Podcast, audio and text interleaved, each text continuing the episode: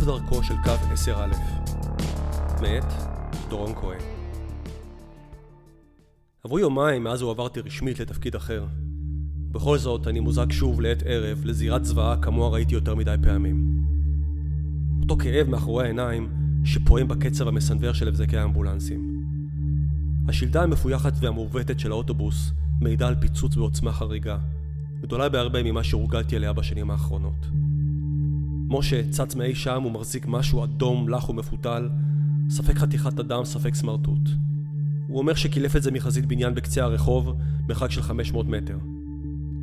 אני עובר מתחת לסרט הסימון ומתקרב אל האוטובוס. הכל מסביב שחור ומנותץ. מכוניות, חלונות ראווה, זגוגיות בשלושת הקומות הראשונות של שני בניינים סמוכים.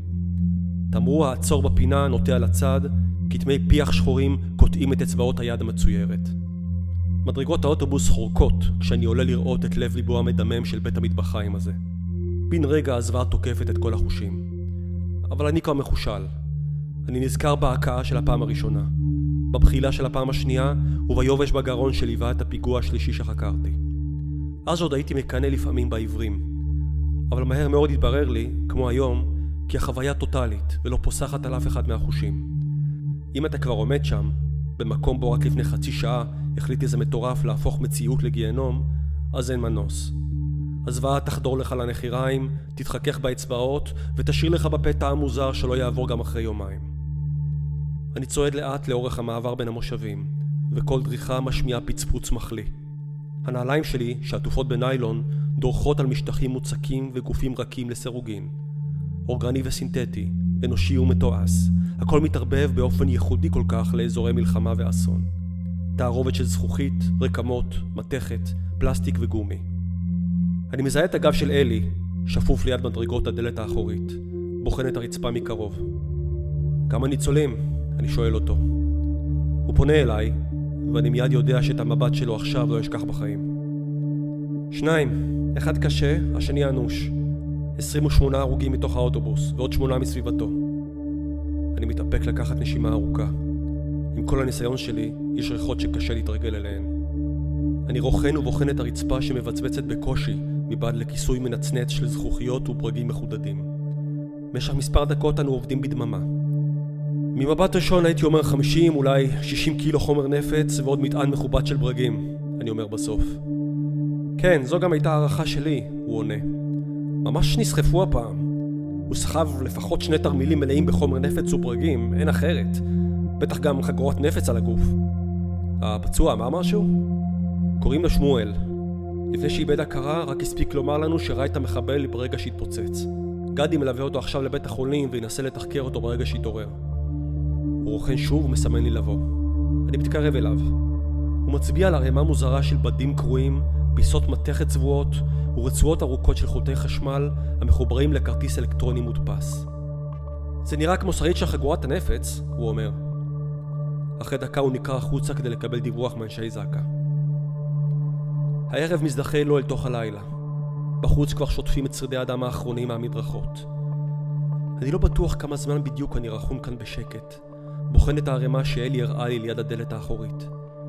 לא יודע כמה פעמים קמתי וצעדתי הלוך ושוב לאורכו של האוטובוס המפויח ולידו. מלקט ראייה לראייה. מצרף במוחי תמונה שמפחידה אותי יותר ויותר עם כל פיסת עדות נוספת. כשאלי חוזר, ההבעה המבולבלת שלו רק מגבירה לי את החששות. אני לא מבין, הוא אומר. דיברתי עם גדי. שמואל, הפצוע, התעורר. הוא מספר שהמחבל היה בחור צעיר לא גבוה במיוחד, לבש מעיל אור שחור קצר, אני כבר מנחש את ההמשך. ושהוא לא סחב שום תיק או תרמיל. קיוויתי שאני טועה. קיוויתי שאני לא מפענח נכון את כל הממצאים האלה. אבל צדקתי. איך זה fucking יכול להיות? הוא שואל אותי. חגורת נפץ של 60 קילו על הגוף? אל תקל בהם ראש, אני עונה לו.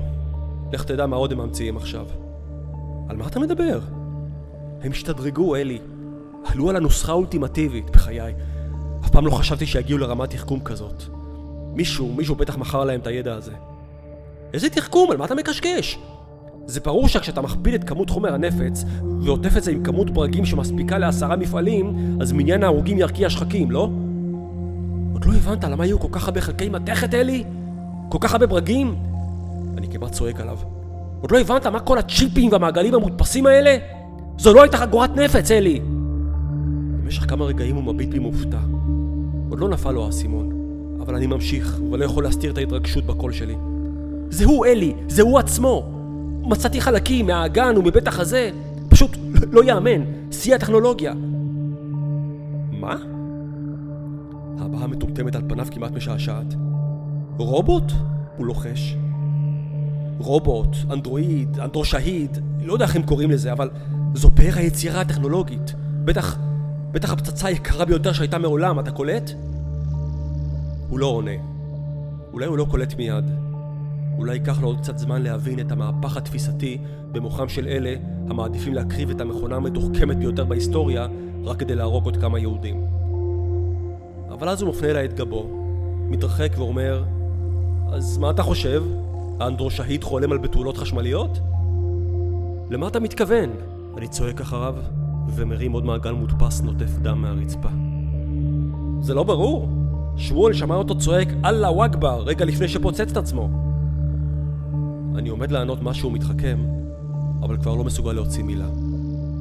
על המעגל המודפס שבידי אני קורא, א' ק' תעשיות, גליל מערבי, ישראל.